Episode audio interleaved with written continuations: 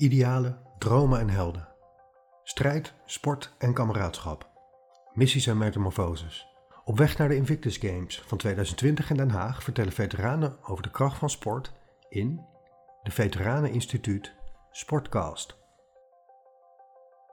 In deze aflevering het verhaal van Erik Krikke.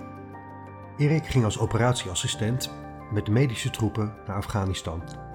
Hij vertrok met een hoofd vol idealen, maar toen hij terugkwam was daar iets anders voor in de plaats gekomen.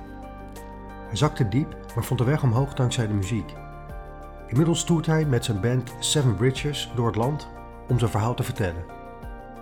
Ze schreven het lijflied van het Dutch Invictus Team, Invincible. We bezochten een voorstelling en spraken Erik samen met zijn beste vriend en medemuzikant Bas.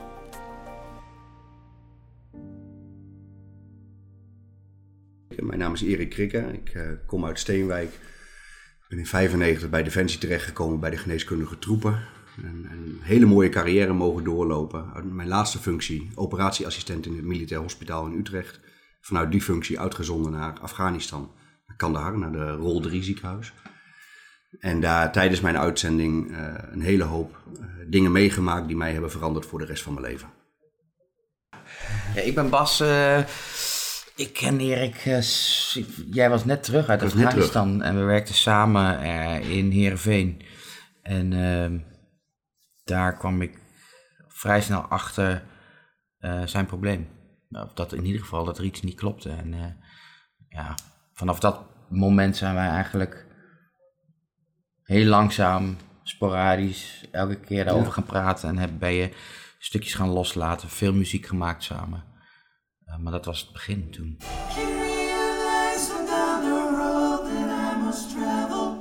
Mijn naam is Erik Krikke en samen zijn wij Seven Bridges.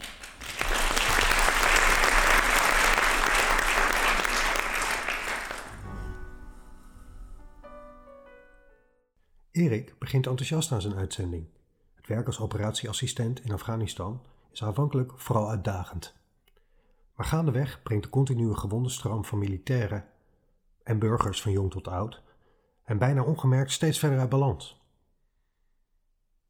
Van opgewekte gangmaker, vol praatjes en grappen, verandert hij in een gespannen en prikkelbare, wat stille collega. Ik heb um, in Afghanistan heb ik besloten om alles wat ik heb gezien en wat ik heb gedaan en heb meegemaakt, om daar in principe niet meer over te spreken. Um, dat heb ik een jaar of zes, zes en een half weten vol te houden. Toen kwam de man met de hamer. Moest ik uiteindelijk hulp gaan zoeken. En um, tijdens de hulpzoeken had ik gehoopt dat ze me vanaf dag één beter zouden maken. Nou, dat ging niet zo. het ging eigenlijk aanvankelijk eerst alleen maar slechter met me. En slechter en slechter. Tot ik op een, een absoluut dieptepunt kwam te zitten. En waar ik met, uh, met behulp van mijn, uh, mijn allerbeste vriend Bas uh, uit heb weten te klimmen. Ik moest van mijn behandelaar op basis van mijn dagboekje wat ik in Afghanistan had bijgehouden. Vanaf dag 1 tot de laatste dag uh, helemaal opnieuw opschrijven met alles wat ik had meegemaakt. Wat ik erbij had gevoeld in de tegenwoordige tijd, in de ik-vorm. Om me maar door die ervaringen opnieuw heen te trekken. Ja, en na een aantal weken had ik uh, zo een pak papier met therapeutisch gewauwel had ik liggen. Maar ja, mijn behandelaar zei op een gegeven moment tegen mij, zegt Erik, hij zegt, ja, en nu we dat verhaal steeds meer aan het vormgeven zijn, hij zegt, met de, de therapieën erbij, hij zegt, weet je, hij zegt, jouw verhaal is niet uniek, hij zegt, jij bent heel diep gevallen en je gaat nu weer opstaan, hij zegt, dat is een heel universeel verhaal. Je moet daar wat mee doen. Ik zeg, nou, ik zeg echt niet. Ik zeg, want ik vond het in die tijd vond ik het echt verschrikkelijk om überhaupt maar over mijn ervaringen te moeten spreken en ik schaamde me kapot en ik zeg, dus dat ga ik niet doen. Maar hij was redelijk volhardend. En iedere afspraak dat ik bij hem in de spreekkamer zat, zei hij weer van, en hij al uitgever gevonden. Nou, uiteindelijk heb ik tegen hem gezegd van chef, hij heet chef. Ik zeg, um, als je nu ophoudt, ik zeg, dan stuur ik dat hele pak papier stuur ik op naar een bevriende journalist van het NRC. Ik zeg, dan zegt hij wel dat ik het niet moet doen. Ik zeg, en dan hou jij je stil. Afgesproken, zegt hij. Maar, hij zegt, als hij zegt, je gaat het wel doen, dan ga je het ook doen. Ik zeg, dat is een afspraak. Nou, opgestuurd kreeg je drie weken later terug allemaal rode strepen, maar wel heel groot ronden. Je hebt een verhaal, dat moet verteld worden. Ik denk, oh mijn hemel, nou moet ik hè. Man en man, een woord een woord. Dus toen heb ik het drie, nee dertien keer heb ik het herschreven. Leesbaar boek van gemaakt. En een, een printing on demand uitgeverijtje gevonden in Nederland die de moeite wilde nemen om het, uh, om het uit te geven. En uh, die zei toen ook nog, Erik, je bent geen uh, Harry Mulisch, je bent geen, noem ze allemaal maar op. Hè. Hij zegt, dus je bent een onbekende naam in Nederland, je gaat 250 tot 300 boeken verkopen aan vrienden en familie die zich verplicht voelen. En dan houdt het op. En op de eerste week van nadat het was uitgegeven, waren er 1300 verkocht. En inmiddels zit ik bijna tegen de 10.000 stuks aan. En wordt het gewoon nog steeds verkocht. En het boek heeft zo, ik heb zo verschrikkelijk veel reacties gekregen. Uh, omdat ik eigenlijk al mijn hele leven met muziek bezig ben, uh, dacht ik van, nou, dit is te mooi om niet te vertellen. En dat in combinatie met onze gezamenlijke passie muziek, is natuurlijk, ja, hoe mooi kan je het hebben eigenlijk. Mm ja, dat, dat, daar is het begonnen. En toen zijn wij, naar aanleiding van jou, jouw verhaal, jouw boek, zijn wij gewoon een theatershow gaan maken die gewoon jouw leven vertelt. Ja. Tot nu. Eigenlijk. Tot nu? Ja. ja. Er komt nog veel meer aan, maar uh, dat terzijde.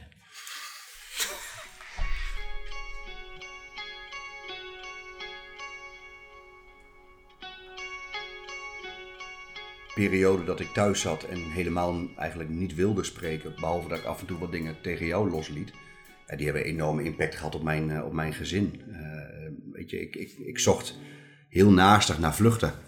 Want ik wist, uh, ik wist heel goed van als ik maar bezig ben met dingen, dan, dan, dan valt het wel mee met de drukte in mijn hoofd. Dan kan ik dat onderdrukken.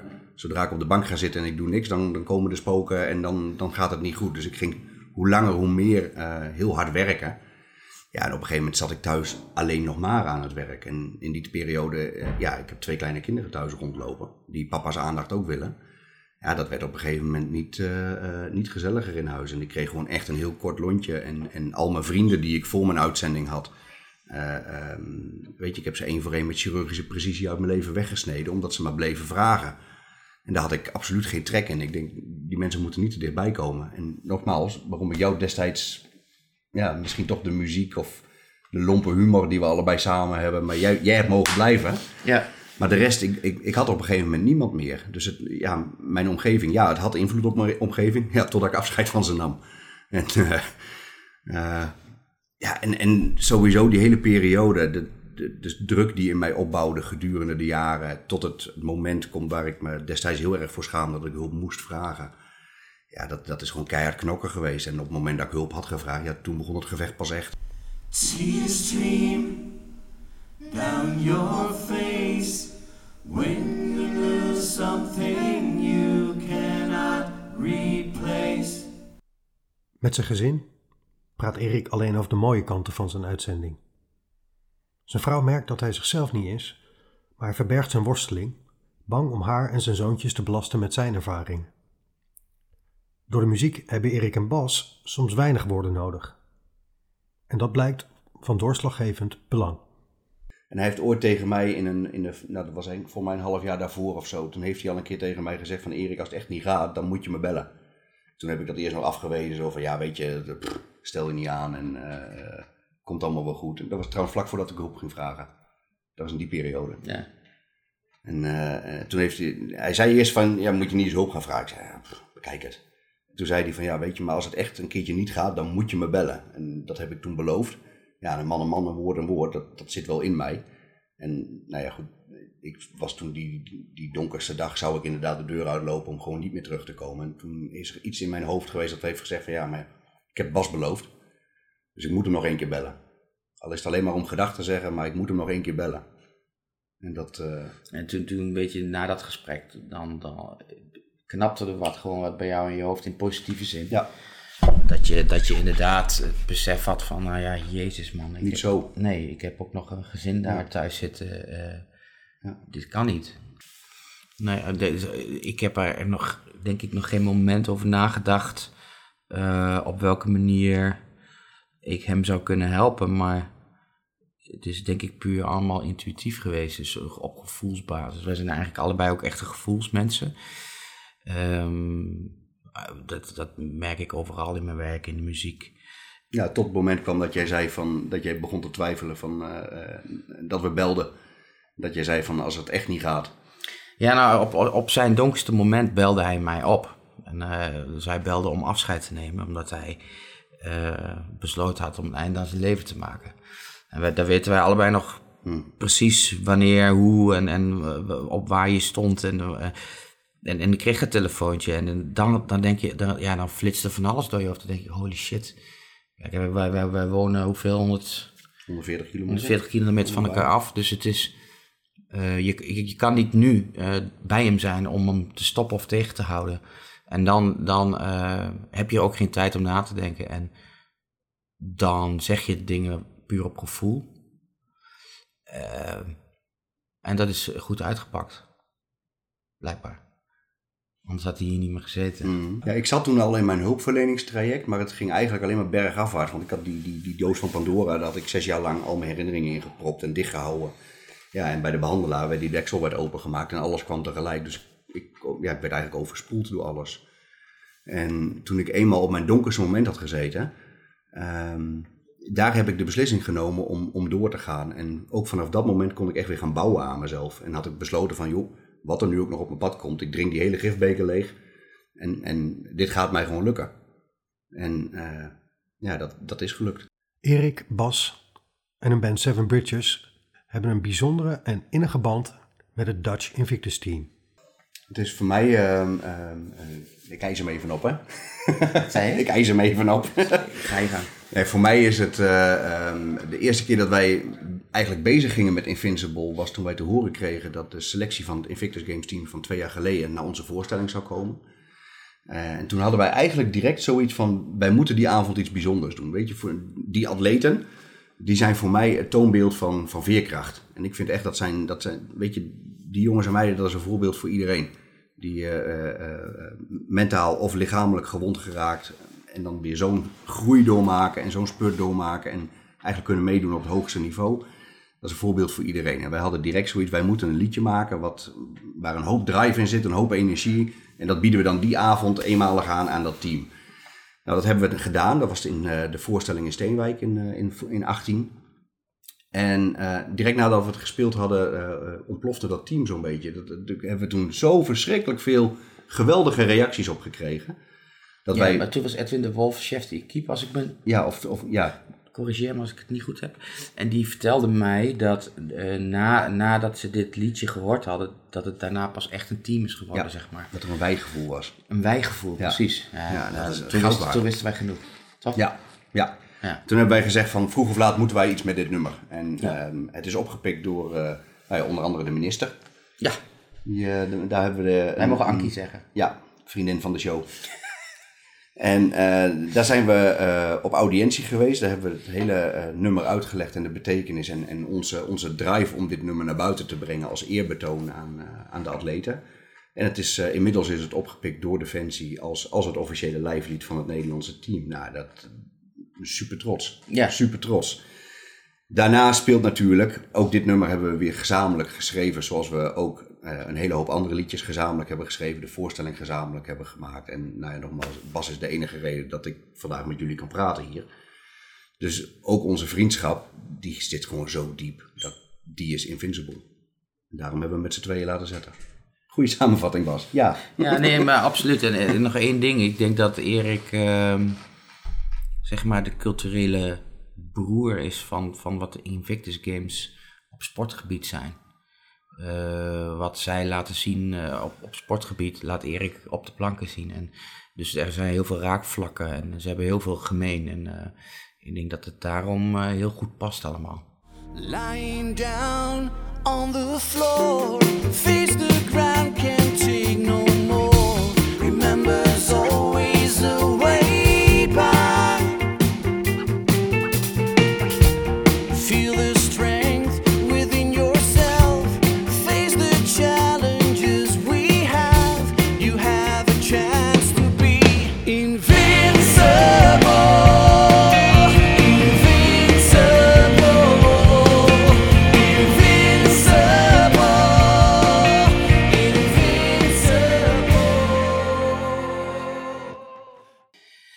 principe gaan wij elke, na elke show gaan we de foyer in om gewoon even, even contact te hebben met mensen die de moeite hebben genomen om naar ons toe te komen. Uh, maar wat voor reacties je dan krijgt, die zijn zo ontzettend heftig. Uh, dat dat ook best wel zwaar is. Want iedereen stort eigenlijk hun eigen ellende over je heen. Dat is ook de bedoeling, want wij willen de stilte te breken en zorgen ja. dat mensen gaan praten. Uh, en op dat moment zijn wij degene die alles moeten absorberen. En, uh, en daar, daar ja, je, je hoort zulke heftige verhalen. blijkbaar zijn er heel veel mensen die worstelen met hetzelfde probleem waar Erik mee geworsteld heeft. En, en we krijgen heel vaak reacties, en met name jij persoonlijk, mhm. van uh, als, we, als we nog in de auto zitten naar huis, dan, dan krijg je al vaak reacties van, ja, Jezus, ik, ik heb nu voor het eerst gepraat met mijn partner of met wie dan ook over datgene wat ik heb meegemaakt. En dat maakt de show gewoon los. En dat, dat is ons doel en dat is uh, fantastisch om te zien dat dat lukt. Vriendschap, professionele hulp en de muziek gaven Erik zijn leven terug. Van alle lessen die hij daarbij leerde, is er voor hem één die er met kop en schouders bovenuit steekt. Ik heb niet zo ver kunnen komen zonder de hulp van heel veel andere mensen. Uh, zowel de professionele hulpverlening, uh, mijn gezin, maar bovenal uh, mijn allerbeste vriend. Die er voor mij was op het enige moment in mijn leven, op het enige moment dat er echt toe deed op mijn leven, was hij er voor me. En ik zou aan iedereen ehm, de oproep willen doen om zo'n vriend te zijn voor één ander iemand. Wees een vriend voor één ander iemand uh, die op jou kan terugvallen, want uh, je weet nooit wanneer je hem zelf nodig hebt.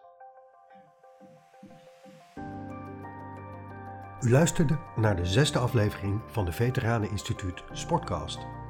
In de links vindt u informatie over Seven Bridges en Eriks boek Operatie Geslaagd. Voor meer verhalen van veteranen en alle andere zaken die hen aangaan, gaat u naar www.veteraneninstituut.nl .nl